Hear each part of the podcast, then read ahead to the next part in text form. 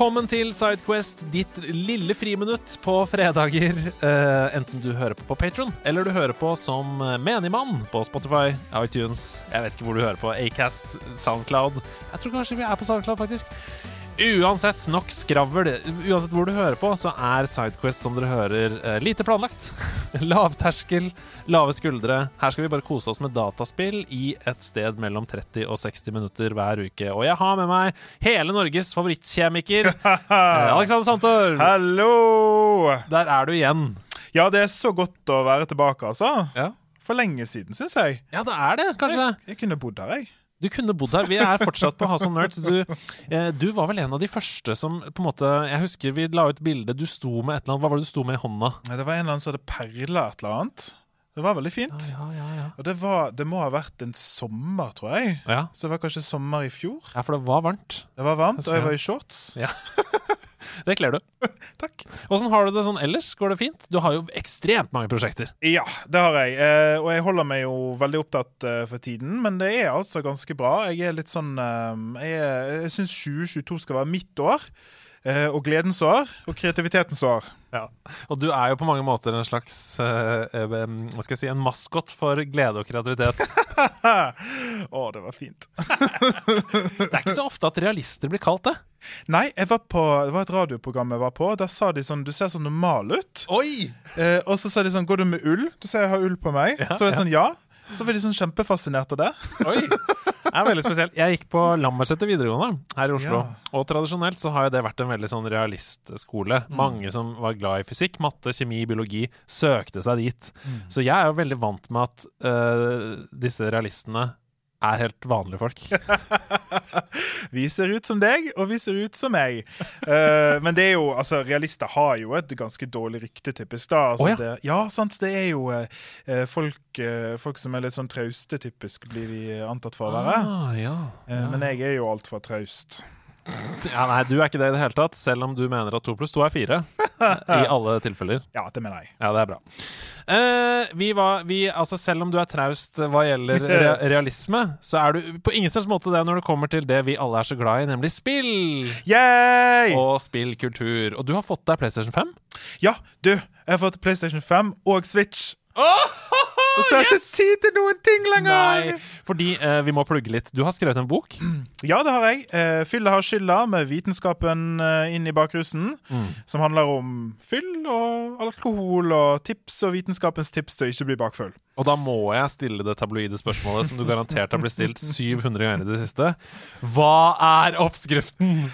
Oppskriften er nattmat! Yes, perfekt. Det, vi trenger ikke vite noe mer. Um, som på P3 Morgen. Uh, jeg så klippet der uh, hvor Martin Løpperød ble veldig lykkelig over at det var det som var svaret. Og det er vi glad for. La oss komme i gang med å snakke om spill, for det er derfor du er her. Ja. Du har tatt med deg fem spill hit som du ville snakke om, og jeg er kjempespent. Det er uh, Tre av dem har jeg ganske mye forhold til. Eh, to av dem har jeg ikke noe særlig forhold til, men jeg har lyst til å få et tettere forhold til dem. Hadde du noe plan da du valgte disse fem? Er det noe konsept? Har du tenkt noe liksom Er det noe rød tråd her? Nei, nei og nei. jeg vet ikke om du så hvor raskt du fikk den eh, Facebook-posten, men det er sånn jeg tok bare og tenkte Hva spill liker jeg? Da, da, da, da, da. Så kom det. Det er, eh, jeg elsker den måten å leve på. Og jeg skjønner ikke hvorfor vi snakker om noe annet enn spill, så vi bare begynner nå, vi. Jeg har sortert disse spillene i kronologisk rekkefølge, sånn som jeg alltid pleier å gjøre. Og det betyr at vi skal tilbake til 20. mars 1997. Til et spill som tar store sjanser med dette, denne utgivelsen. Så store sjanser at de nesten starter en ny sjanger på egen hånd. Eh, før dette så var det ikke noen som forbandt denne spillserien med denne sjangeren, men etter dette spillet så kom sjangeren Metroidvania. Jeg snakker om Castlevania Symphony of the Night den 20. mars 1997.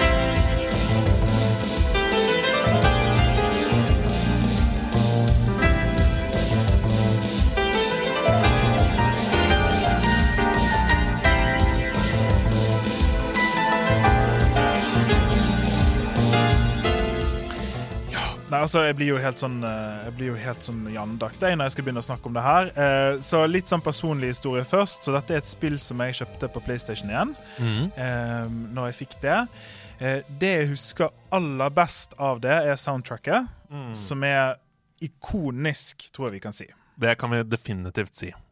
Eh, og så er det jo, sånn som du sier, et spill som snur litt Castlevania på hodet. Mm. Skjønte du den? Oi! Nei, det tror jeg faktisk ikke jeg skjønte. Nei, fordi uh, i, i halvparten av spillet er, så spiller du i, i Dracula slott, men i andre halvparten så spiller du opp-ned-versjonen, altså på hodet. Ja, selvfølgelig. Fordi jeg har Altså, vi spilte jo Castlevania Symphony of the Night i uh, spalten Har det holdt seg? Ja. Uh, som var for et par sesonger siden her i nederlandslaget. Fordi det er jo av mange sett på som et av de aller beste spillene som har kommet noensinne. Ja. Og derfor så lå det på topp 100-lista, da. Topp 30-lista til og med, tror jeg. Ja. Um, og da spilte jeg bare i anførselstegn de første tre timene. Ja. Uh, så jeg fikk ikke så mye inntrykk av at det var opp ned halvparten av tiden. Nei, for det som skjer da, det er at uh, altså det er et slott, sant? Dracula slott. Det er uh, mange ulike seksjoner og deler av slottet som du går gjennom. Og så er det jo dette som vi nå er så vant til, nemlig at disse bitene henger sammen. da, At du Ja. får ulike evner og egenskaper og ting som gjør at det åpner seg opp nye muligheter for deg. Mm. Og så har du ikke så mye føringer. Du løper rundt og prøver å finne ut av det, på en måte. Mm. Så det er veldig sånn uh, intuitivt hvordan du finner fram. Men det som er rigget, da Nå håper jeg at dere tåler en spoiler på et spill som Det er må vi tåle. Ja. For det som er rigget, det er at hvis du bare går rett opp og tar bossen med en gang, så er spillet over. Oh, ja. Ja, for det er en hemmelighet, og det er at denne bossen egentlig er manipulert av en større kraft som ligger bak. Mm. Så finner du riktige ting i riktig rekkefølge her. Mm. Så finner du ut av det her, og da tar du den makten bak. Og det som da skjer, det er at det åpner seg eh, Altså Draculas slott fra himmel kommer ned fra himmelen, Mm. opp ned. Og så spiller du hele spillet på nytt, opp ned. Åh, det er en drøm! Ja! Jeg elsker det. Um, Symphony of the Night ble jo sjangerdefinerende, som vi snakka om, og skapte hele denne Metroidvania-delen. Eh, de gjør to ting veldig veldig tidlig i spillet som er kjempelurt, og som gjør at um, de forklarer hele denne nye sjangeren med en gang. For det første så er det første som skjer, at du møter siste boss fra forrige spill. Det er jo helt fantastisk. Jeg ble helt eh, sjokkert da det skjedde, for jeg bare What?! Jeg har spilt i i 30 sekunder, og det er en boss. Det var det første. Og når du er ferdig med det, så kommer det jo en uh, figur og tar fra deg alle tingene dine. For du er jo fullspekka når Ja. du begynner. Så kommer den og tar fra deg alle tingene, og da får vi jo dette som skjer i alle Metroidvania-spill. Jakten på abilities, som du sier, og våpen og ting. ikke sant? Så ved at spillet sier du skal finne alle disse tingene, og viser det til deg, til og med. Det, det, det drar tingene ut av spilleren og holder det opp foran kamera, og så forsvinner det. Så får man veldig sånn tydelig sånn OK, men da skal jeg sikkert hente de ulike tingene. Og, og det er mye bedre tutorial enn å si det rett ut, hvis du skjønner. Ja, for det er jo veldig effektiv historiefortelling, da. Og så er en annen ting eh, For det, dette her planter da et frø, så da ser du det superkule sverdet mitt forsvant, det superkule rustningen min forsvant. Når du finner det igjen ti timer seinere, så er det den beste følelsen i verden. Nå skal jeg vise dem! For Ta nå- den døden! For det er døden som kommer og henter tingene dine. Eh, og så er det en annen ting, og det er at, eh, at du, gjør, du får spille to, tre, fire, fem skjermer i begynnelsen med full gear, så du er sterk og alt dør med en gang. Men så når du skal da ta neste brett eh, etter du har mistet alle tingene dine, så må du slå ting ti ganger. Så det illustrerer svakheten din, da. Det, nå er du fra scratch, liksom. Tenk på det. Ja, det er uh, utrolig gøy. Det Altså, det uh, Med en gang det kom, så ble det veldig dårlig mottatt. Ja. Det solgte nesten ingen enheter med en gang det kom. Og det var jo fordi Castlevania var en ting. Og Ja. dette var noe helt annet i serien. Eller det var ikke noe helt annet, men det tok en, noen sjanser. Men fordi eh, det ble en sånn kult hit eh, word of mouth spredde det rundt, så ble det en såkalt sleeper hit. da Sånn at uh, på sikt så plutselig så hadde det solgt eh, bare over lang tid over 700 000 eksemplarer. Eh, og det gjorde at det ikke fikk altså umiddelbart den der store piken av hype. Eh, men det bare var en sånn jevn Det er som Du kan sammenligne langrenn med Erling Jevne eller Frode Estil. De bare går 50 km i samme tempo, og når konkurrentene begynner å gå saktere, da fortsetter Castlevania å selge nøyaktig like mange eksemplarer helt til de har nådd en million. Og så er det jo noe med med gamingkultur her, da, med at når man har en veldig forutinntatt idé om hva en spillserie er, Mm. og, og de som lager spillet bryter fra det med den forventningen, så utfordrer det jo. Ja. Og det må vi huske på når det kommer nye spill som vi kanskje trenger litt tid til å modnes. da. Mm. Eh, fordi Det som var min fordel, er at jeg hadde ikke noe, for, altså, hadde ikke noe forhold til Castlevania på Super Nintendo. Nei Så jeg visste ingenting, og da gikk jeg inn i det med helt åpne øyne. da. Ah, det, er, eh, det er den beste måten å gå inn i, en, i et spill med. Uh, la oss sammenligne med Death Stranding. Fordi uh, uh, selv om tempoet er annerledes, alt er annerledes i det spillet, så er det nøyaktig samme måten.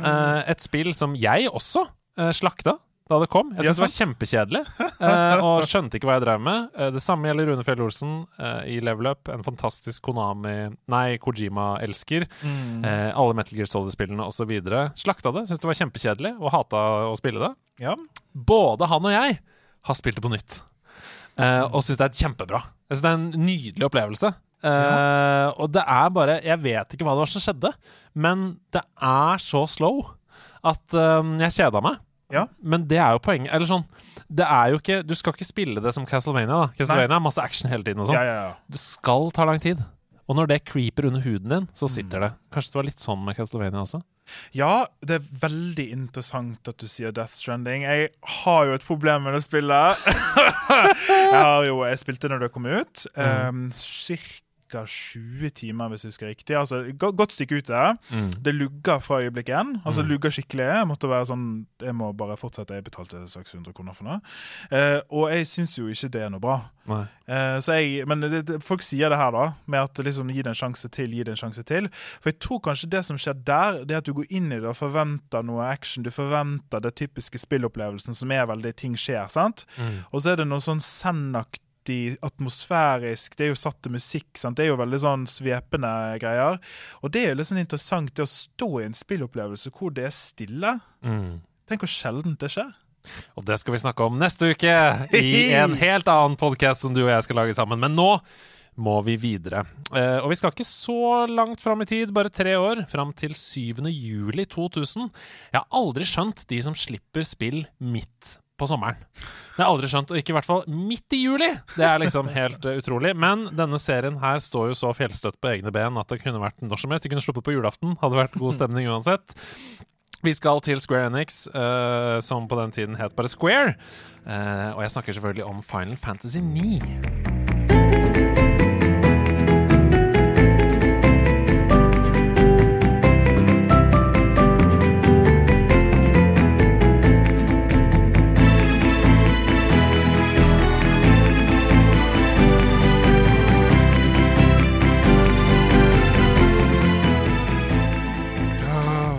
Ah, du har den samme reaksjonen som mange andre. Fordi Final Fantasy 7 og 8 var jo sci-fi-opplevelser. Men i, I hvert fall i stor grad. Mens Final Fantasy 9 var mye mer en fantasy-opplevelse. Mm. Og derfor så uh, ble folk så utrolig sånn En, en viss målgruppe Mm. trykket det til sitt bryst. Men fortell om din opplevelse med Final Fantasy 9. Ja, altså, jeg er jo en eh, Jeg elsker Final Fantasy. Uh, og det er klart at jeg kan snakke om det i timevis og sånn, så jeg skal prøve å holde meg litt kort. Men jeg begynte jo med syveren, Uh, som jeg kan snakke om òg. Åtte og ni. Det som var veldig fint for meg med ni, og grunnen til at jeg vil snakke litt om det i dag, det er nettopp det at den er litt sånn back to form. Der Castlevania Symphony of the Night bryter, så går Final Fantasy 9 tilbake. Og jeg syns det er litt viktig å huske at begge de to tingene funker. Eh, For for meg så funker Final Fantasy 9 superbra. Og det er jo eh, Ja, det er klassisk eh, black mages og white mages, og det er hele greiene. Det er episk, det er open world, det er masse ting å finne ut av, og ikke minst et helt gloriøst persongalleri. For, Ja. for meg så er Final Fantasy historien om masse raringer som ser annerledes ut. Altså Det er jo mangfold, sant? På sitt beste. Som alle sammen jobber sammen for å liksom redde verden. Og det syns jeg er så fint. Vi må snakke litt om disse karakterene, for uh, Final Fantasy Altså Aller først så kan vi jo bare etablere for de som aldri har rørt et Final Fantasy-spill. Det er turn-based. Strategi. Ja. eh, fantasi. Du bruker trolldom og magi og vanlig slag Ja. eh, for å nedkjempe en rekke fiender i et stort RPG. Men dette persongalleriet, spesielt prinsessen, da. Eh, hun er jo utrolig kul, syns jeg. Ja. Og veldig sterk og, og egentlig sånn banebrytende kvinnelig spillkarakter for at dette er i år 2000. Enig. Så det er Garnet, som hun uh, senere ble kjent som Dagger pga. ulike historieting, som begynner historien som en litt sånn tafatt, bortskjemt, eh, litt viljeløs og, og litt ressurssvak eh, prinsesse. Men som gradvis gjennom historien blir da på en måte dronning i ordets rette forstand. Uh, og som lærer å utfordre seg sjøl, uh, og som på en måte er egentlig historiens hjerte, vil jeg si. Eh, for eh, landet hennes eh, blir ødelagt, og hun mister moren sin. Og må gjennom da, en veldig veldig lang reise her for å bli liksom voksen. da. Mm. Og det som er veldig fint med det, er jo at en kvinnelig karakter som egentlig der det at hun er kvinne, ikke er så viktig som jeg liker veldig godt. At det, handler det handler ikke sånn en kvinne gjør sånn og sånn. Hun blir ikke utfordra så mye på det i historien. Det er ingen som sier sånn 'du kan ikke ditten og datten'. Men der kommer det navnet inn. da, at hun, hun Fødenavnet er Garnet, men hun kaller seg Dagger fordi at hun vil da bryte med den identiteten. da. Så det er jo en veldig veldig fin historie, syns jeg. Mm. Det er um, Det er mulig bare jeg som har tenkt dette, men jeg ser noen paralleller til Aragorn i ja. Ringenes herre. Ja, sant. Som også får et slags ansvar mm. i navnet, men uh, viker fra det. Mm. Tar et annet navn. Uh, Strader Nei, jo. Ja, uh, Vivandre. Uh, og til slutt finner da ut om sitt eget ansvar og tar, liksom, tar det på alvor og blir en slags ledestjerne for et helt folk. Um, det er jo helt fantastisk at et spill som kommer fra eh, Japan, mm. og som er et eh, vaskeekte JRPG, eh, som trykker på så mange knapper hvor man drar det til elleve i alle retninger, greier å fortelle en såpass på en måte, hva skal jeg si, jordnær også-historie. da. Ja, uh, og det er jo en av de grunnene tror jeg, til at Final Fantasy 9 for meg er så unikt. fordi at uh, Final Fantasy er jo kjent for historiene sine. Men du har òg, eh, hvis jeg får lov å nevne bare et par andre løse karakterer ja. Du har jo Freya. Eh, drageknekten, eller drageridderen, som eh, mister da sin store kjærlighet til uh, hukommelsestap. Nå er det litt klisjé, men som egentlig da til slutt møter henne igjen. Uh, og bare er sånn 'Jeg er glad for at du fins. Jeg skjønner at du har glemt meg, men gå ut i verden og lev livet ditt', liksom. Mm. Og så har jo du Quinna, Uh, som er en av mine favoritter. Som er en av de få eksemplene på ikke-binære karakterer. Uh, ja. Som er da en uh, Det er ikke en definert pronomen på kvinner, og det er liksom ikke en big deal. og kvinner vil bare spise mat, og det kjenner jeg meg veldig igjen i. og da har kvinner en, sånn, en av skillsene som kvinner har i kamp, da, det er at hun kan spise fiender og lære seg liksom egenskapene deres. Ditto i ja, Pokémon. som også ikke har noe kjønn. Ditto. det er kjempefint. Um, eller altså, har jo et kjønn, men ikke uttalt uh, kjønn, da. Um, noen andre karakterer du har lyst til å trekke fra? Ja, du har jo Vivi, da, mm. som er liksom posterboyen til eh, Final Fantasy 9. Og Vivi er da en black mage uh, som, uh, som, begynner som en sånn, litt sånn barn, da, egentlig. Og gradvis innser sin egen makt, men òg gradvis innser at han er skapt. Altså mm. lagd i en fabrikk. Eh, dette er veldig Final Fantasy. Syveren har jo litt sånn lignende tematikk, eh, hvor han må innse at han er skapt, men likevel kan leve. Mm. Og det er en kjemperørende historie om tilhørighet og identitet, og ikke minst hva det vil si da å være levende, faktisk. Mm. Det er jo i så mange andre eh, Som så mange andre Final Fantasy-spill, så er det Nobuo Uematsu som har skrevet musikken i Final Fantasy 9. Eh, det som er litt interessant, han skrev 160, ca. 160 musikkstykker mm. til Final Fantasy 9. 140 kom med mm. i spillet. Bare det at det kommer 140 stykker i spillet, det sier litt om variasjonen. da, og Det er mm. veldig lite, det er ikke som i Pokémon. Her er det ikke gjenbruk av temaene. Men det som er interessant, er at i forarbeidet til Final Fantasy 9 så uh, sendte Square Umatsu, uh, Umatsu til Europa mm. for inspirasjon.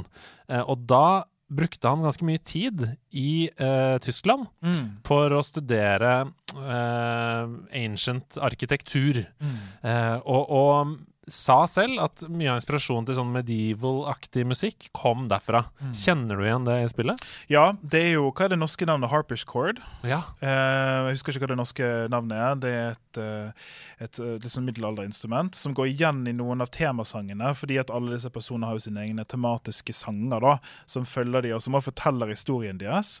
Uh, og dette, dette her middelalderperspektivet går jo også veldig igjen. For eksempel så har du uh, Kleira, som er som er liksom drageverden, da, som ser veldig ut som en sånn dyster, eh, gammel eh, romersk by, egentlig. Mm. Eh, så jeg ser det veldig, og hører det òg, ikke minst. Nei, Det er nydelig. Det er et fantastisk eh, flott spill. La oss hoppe videre til det neste på lista di. Og nå skal vi hoppe noen år fram i tid. Eh, ti, faktisk. Vi skal til 21.9.2010 på PC. Eh, dette var ikke det første spillet i serien, det var faktisk det femte. Eh, og det gjenspeiler seg i navnet. Veldig store forventninger til dette spillet, og jeg vil vel si at de innfridde på alle måter. Eh, står fortsatt ut som et av de beste i serien, og mange mener vel også at det er bedre enn nummer seks. Jeg vet ikke hva du syns, men vi snakker selvfølgelig om Civilization 5. Ja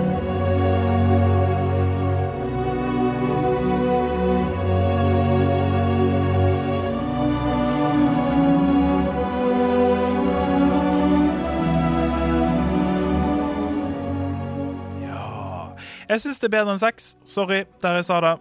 Men det er, noe, det, altså, det er ikke bare du som syns det. Nei.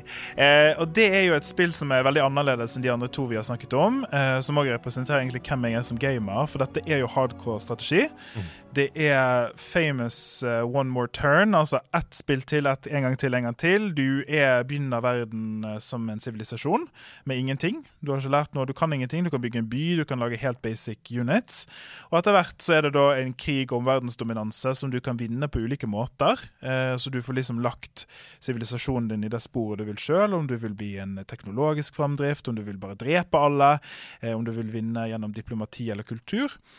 Og så er det jo noe med at den sandboksen her da tillater så mange muligheter at uansett om du har spilt det Jeg tror, jeg tror Steam viser at jeg har spilt det i 600 timer, jeg, altså.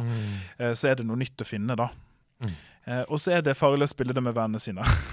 Ja, for det var egentlig mitt oppfølgingsspørsmål. Dette er jo et um, uh, strategispill som mange som har uendelig gjenspillbarhet Mm. i singleplayer-delen. Men det er veldig mange som foretrekker uh, multiplayer likevel, altså Mm. mot venner eller online. Uh, hva syns du er best? Jeg liker jo begge to, da, men det er, det er veldig gøy å spille multiplayer med venner. Uh, så lenge du har noen regler, da. Noen spilleregler, om du vil. OK, ok, Ja. ikke lov å være Nei, det er ikke lov å være på samme kontinent. OK. For det blir så jævlig dårlig stemning. uh, og så er det Vi har, jeg har en kompis som jeg pleier å spille med Civilization 5. Uh, og så har vi noen sånne regler på hvem som får bygge hvilke wonders. Fordi altså, de som vet, de vet. Det å miste wonderet sitt eh, med en turn igjen, det er en av de verste tingene som kan skje. Så jeg har eksempel dibs på Hanging Gardens. Ok, ja. Ja, fordi da Hvis du mister wonderet ditt med én turn igjen, så Ja, så, så Wonders er sånn eh, da, da sitter du byen din til å bygge en av de vidunderverkene da, som har veldig masse bonuser. Men så er rigget da at dette tar fryktelig lang tid, så du Mm. bruker masse ressurser på det, og så er det bare lov av én per verden, liksom. Ja, okay, Ja. Så det betyr at hvis en annen konkurrerende sivilisasjon blir ferdig før deg, så ikke bare får du ikke Wanderer, men du har mistet da 20 turns, som er veldig mye. Rett i dass. Du får Mm. litt penger for det, men det føles litt som salt i såret, egentlig. Ja. Det er bare um, Ja, jeg skjønner. Um, fascinasjonen for Civilization uh, Altså, dette er jo et spill som har virkelig slått an og Mm. nådd alle verdens hjørner. Hvorfor tror du det? Hvorfor tror du det er så mange som elsker dette spillet? Ja, Det er et godt spørsmål. Det er jo først og fremst det vellaga. da. Det er jo Mm. viktig at det, det er en inngangssport. Og så tror jeg det er noe litt sånn menneskelig ved det å få begynne fra scratch og se hvor ting går. Altså, Du, du står så fritt til å utforske sjøl. Eh, og så er det fordi at du, kan ha alle disse spillestilene. da. Du kan være veldig aggressiv, du kan være helt passiv, du kan fokusere på det du vil. Og så er det en balanse her, fordi at hver eneste lille ting du gjør, og du gjør ganske mange ting i løpet av en turn, hver eneste lille ting betyr noe. Så det er veldig satisfying, dette her, fordi at uh, hver eneste ting betyr noe, du gjør veldig mye, og du får liksom uh, Ja, du, du kan du kan bli verdensherre på 20 ulike måter, liksom. Mm. Og så kan du tape på like mange måter. Ja.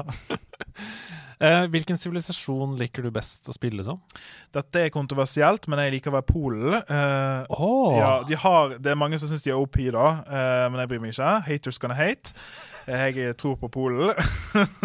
Men som i at de er for bra, liksom? Ja, altså for hver eneste sivilisasjon har noen sånn quirks, da. De kommer med, med ofte spesielle units og bygninger. Ja. Og så har de en eller annen, eller flere sånne her bonuser, da. Passive, liksom. Ja. ja. og, og Pool har en sånn at hver gang du går inn i en ny age, så får du en sånn social, um, social et eller annet som er ganske bra å ha. ja. Uh, og det hjelper jo ganske mye, da. Okay. Men altså, hvis det var så OP, hvorfor taper jeg da? For det gjør jeg av og til. Ja, det er herlig ærlig, da, i hvert fall. Ja, ja, men altså Altså, jeg har spilt 600 timer, jeg taper fortsatt. Ja. Eh, hva er det du hater mest å være, da? Eller møte, eller hva er, hva er det du misliker? Nei, altså, vi har en sånn vits om at hvis du har, eh, hvis du har Shaka eller Attila i nærheten, så er du bare doomed. For det er sånn krigsherre som bare Ja. møyer over deg på et sekund. Så det er et ganske dårlig spill, da. Ja.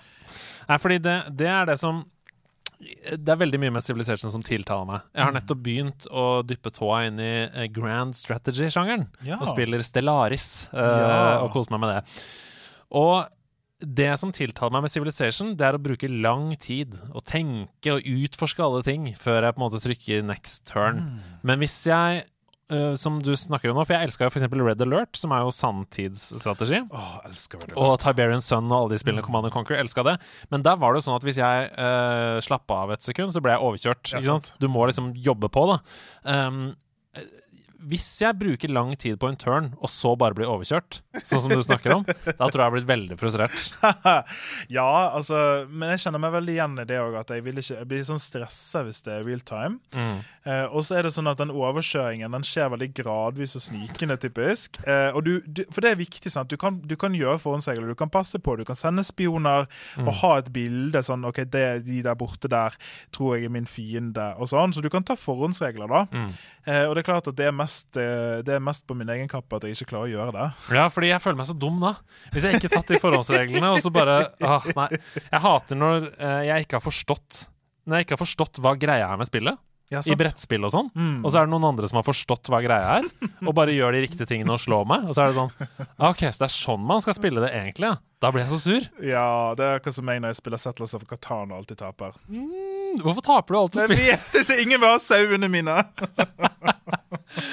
OK, fra et stort eh, strategispill som du kan bruke lang tid på, til et spill du også kan bruke lang tid på, men det er fordi du dør hele tiden. Uh, og eh, jeg blir veldig fascinert nå hvis du sier at du aldri dør i dette spillet, men siden du har sagt at du taper i alle andre spill. Vi skal til 24. mars 2015, et spill som var ekstremt etterlengta og innfridde på alle punkter. From Software sitt mesterverk, Bloodborne.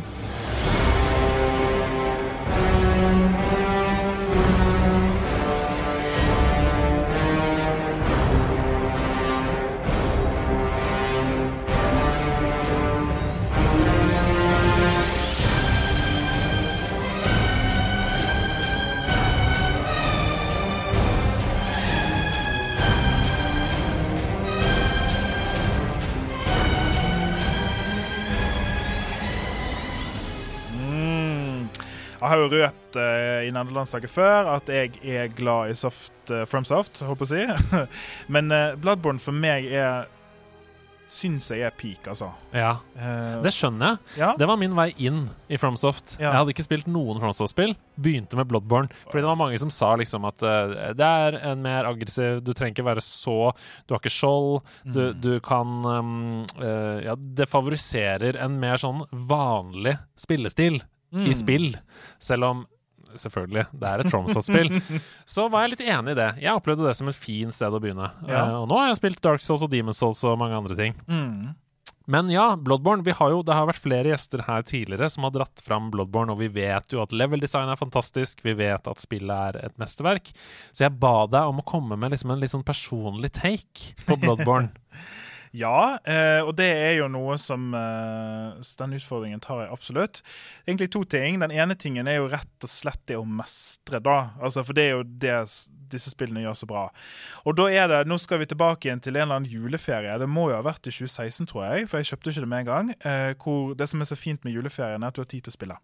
Mm. så da er det stille og rolig, masse godteri overalt. Eh, og så er det bare meg og dette spillet, da.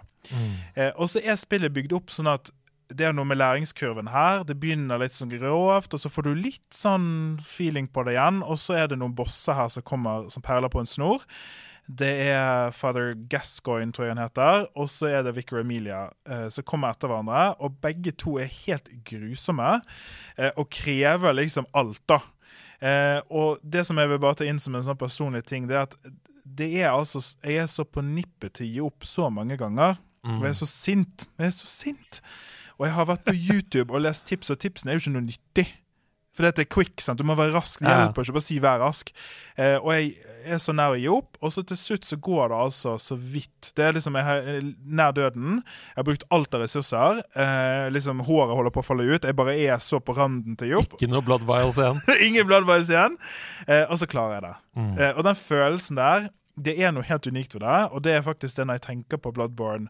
Det er masse fint å si, men det er de her personlige øyeblikkene, da. For det er litt det med å utfordre spilleren. Mm. Og jeg tror, altså Nå har jeg gamet så lenge i livet at veldig mange spill er jo litt sånn friksjonsløse. Det, Mm. det er liksom lett å gå inn, lett å gå ut. Passer med en moderne livsstil. Men når du skaper på en måte spill med friksjon, og som lugger, og som krever noe, så er det òg det at når du klarer det, så er det litt sånn gåsehudøyeblikk. Mm. Eh, og det er det jeg tenker på når jeg tenker på Bloodborne. Ja, det skjønner jeg veldig godt. Det er uh, Det er jo det veldig mange sier, at um, det gir dem en rus, da, på en måte, som ingen andre typer spill gir dem. Uh, og som gjør det litt vanskelig å gå tilbake til andre spill etterpå. Ja, og så er det jo Det er jo òg noe med odds, da. At når du går inn i spesielt for meg disse to bossfightene etter hverandre, så, så skjønner ikke du hvordan du kan vinne. For det virker som om altså Første gang så dør du med en gang uten å ha tatt et eneste kakk i, i bossen, liksom. Så det er jo en sånn leksjon da i, i standhaftighet. At Mm. liksom i utgangspunktet virker det håpløst. Og spillet er jo veldig god til å bygge opp en atmosfære av håpløshet. Uansett hvor mange ganger du dreper de fiendene, så kommer de tilbake igjen. Mm. Eh, og det syns jeg òg er så fint, at, at spillet kan skape en større opplevelse enn bare sånn 'jeg vant'. Mm. Nå skal jeg si noe kjempeprovoserende.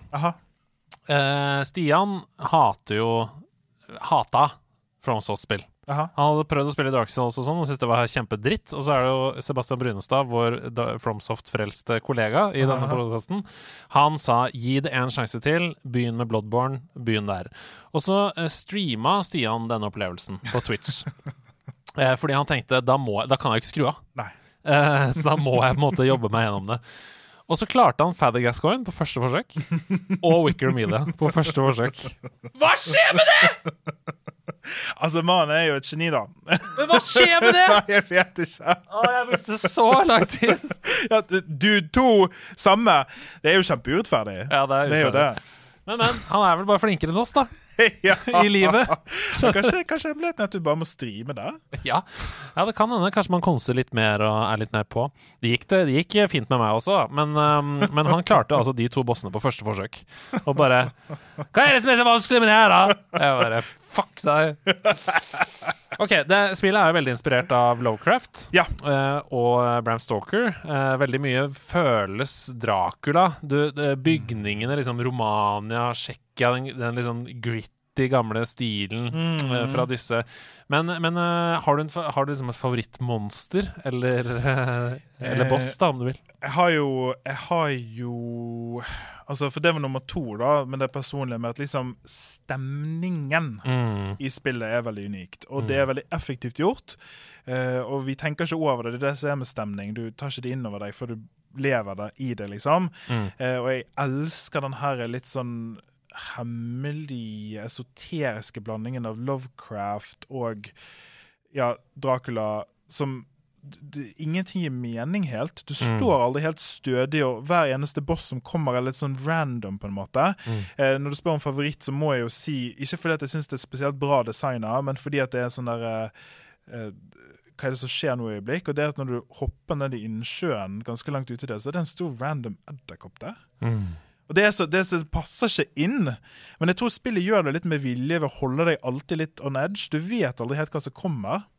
Og så er jo eh, det siste bossen, altså månebeistet, som kommer eh, som en slags Messias, en pervers Messias fra månen, er jo helt Altså, det er jo gåsehud. Ja, det, men den eh, fighten der, det er kunst. Og det er på en måte uh, spillmediet eh, peak, da. Ja. Fordi det, det kunne ikke vært noe annet enn spill, Nei, helt enig. og det er kunst. For hadde du bare sett så er ikke det det samme i det hele Nei, tatt. det hele tatt. Du må være liksom, du blir ett. Og det er faktisk Hele prosessen må komme dit! Ja, jeg Det vet! ligger i ryggen og hodet og alt. Og du kan ikke gi deg uansett hvor den, Men den bossen der er ikke alltid jeg klarer, altså. Mm.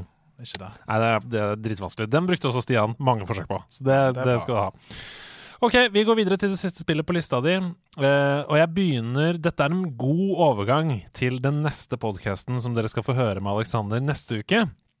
Fordi det danner seg et bilde her nå av en fyr som er glad i stemning, atmosfære og ikke minst eh, horror. Eh, vi skal til eh, 24. januar 2017. Det er bare fem år siden. Shit, det er fem år siden. Det er jo ikke bare i det hele tatt. Det er dritlenge siden. fem år siden Resident Evil 7 Biohazard.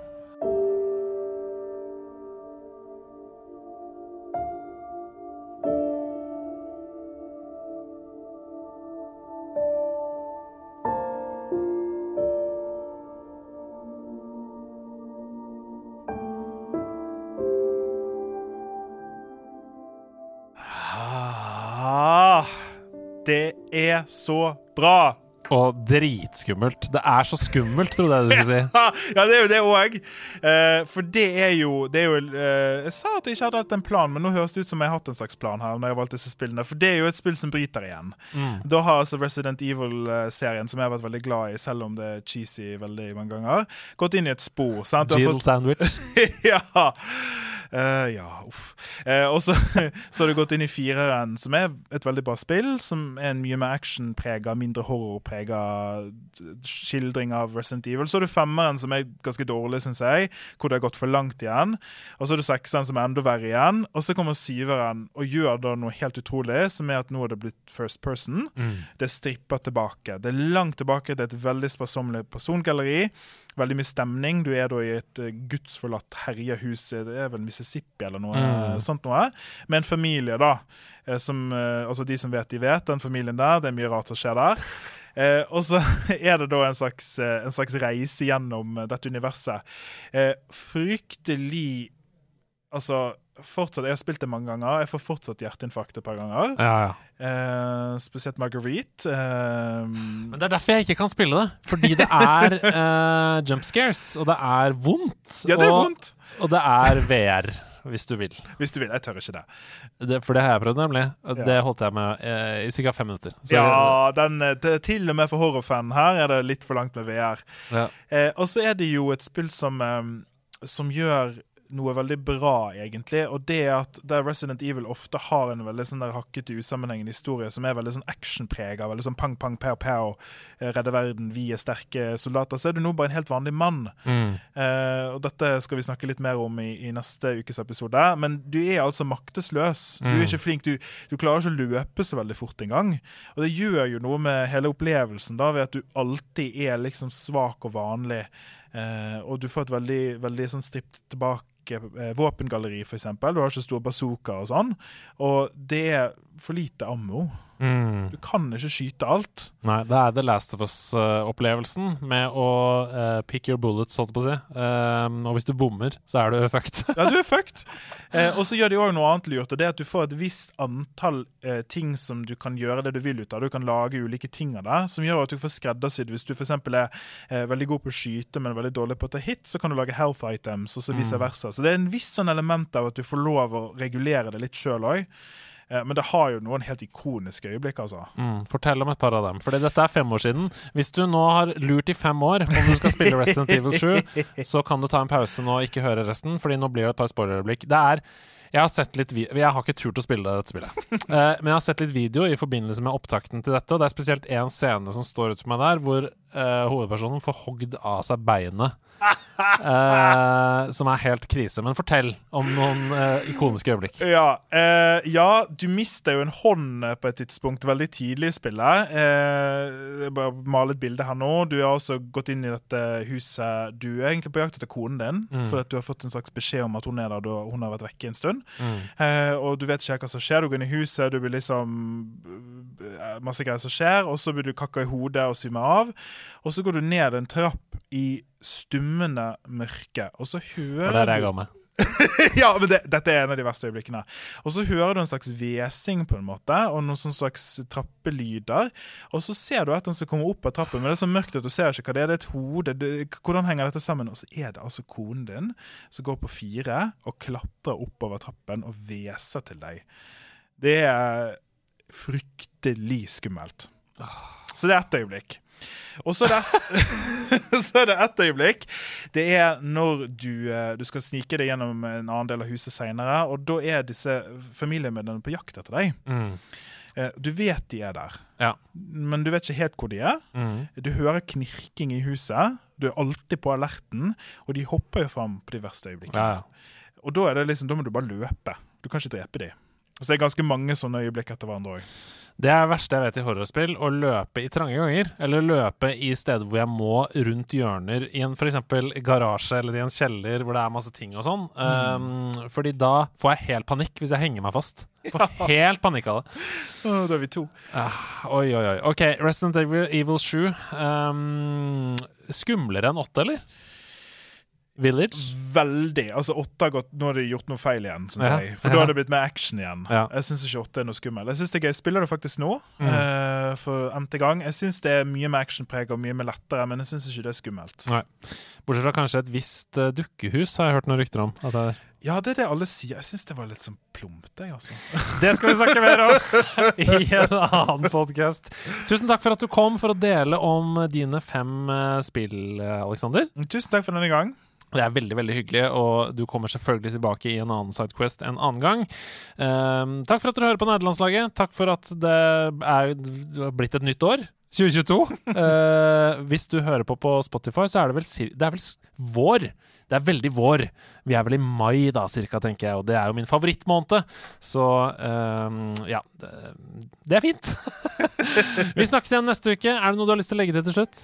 Nei, det er bare så gøy å være her alltid. Jeg kan snakke i timevis, men av og til må jeg og til og med gi meg. Så takk for denne gang. Ha det bra!